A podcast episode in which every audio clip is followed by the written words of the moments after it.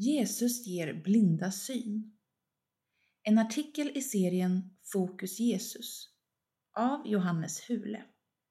Markus evangeliet kapitel 8, vers 22 26. Berättelsen om den blinde mannen i Betsaida väcker många frågor.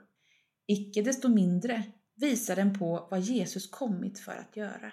När Jesus öppnar den blindes ögon uppfyller han Jesajas profetia, Jesaja kapitel 35, vers 5, som förutsåg att blindas ögon skulle öppnas vid Guds ankomst, då han skulle komma för att rädda sitt folk. Jesus mirakel är mer än feta tricks. Jesus vill inte bara show-offa. Alla Jesus gärningar ger en glimt av det kungarike som han kommer med. Så är också fallet i denna text då Jesus helar en blind man. Placeringen av berättelsen i Markus evangeliet är inte slumpartad. Den ligger som en saftig skinkbit mellan två brödskivor. Precis före har Markus berättat om lärjungarna som har svårt att se, förstå vem Jesus är.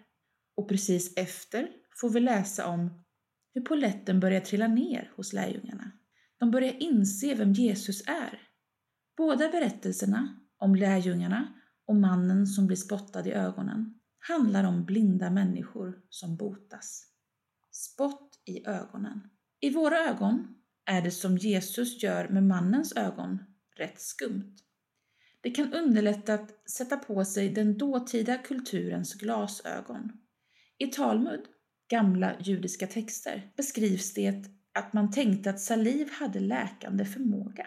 Nu visste kanske Jesus att saliv i sig själv inte är så effektiv mot blindhet, men för mannen kan det mycket väl ha varit ett konkret och synligt, eller ja, han var ju blind, låt oss säga märkbart tecken för vad Jesus gjorde. I verkligheten är det ju Jesus ord som gör skillnad. Här står det inte att Jesus säger något, men i den lika skumma berättelsen i kapitel 7, vers 33 ropar han Öppna dig! Gud som skapat oss vet att vi är fysiska varelser. Liksom i nattvarden och dopet använder han synliga, konkreta medel som verkar i kraft av hans mäktiga ord. Jesus, en riktig ögonöppnare.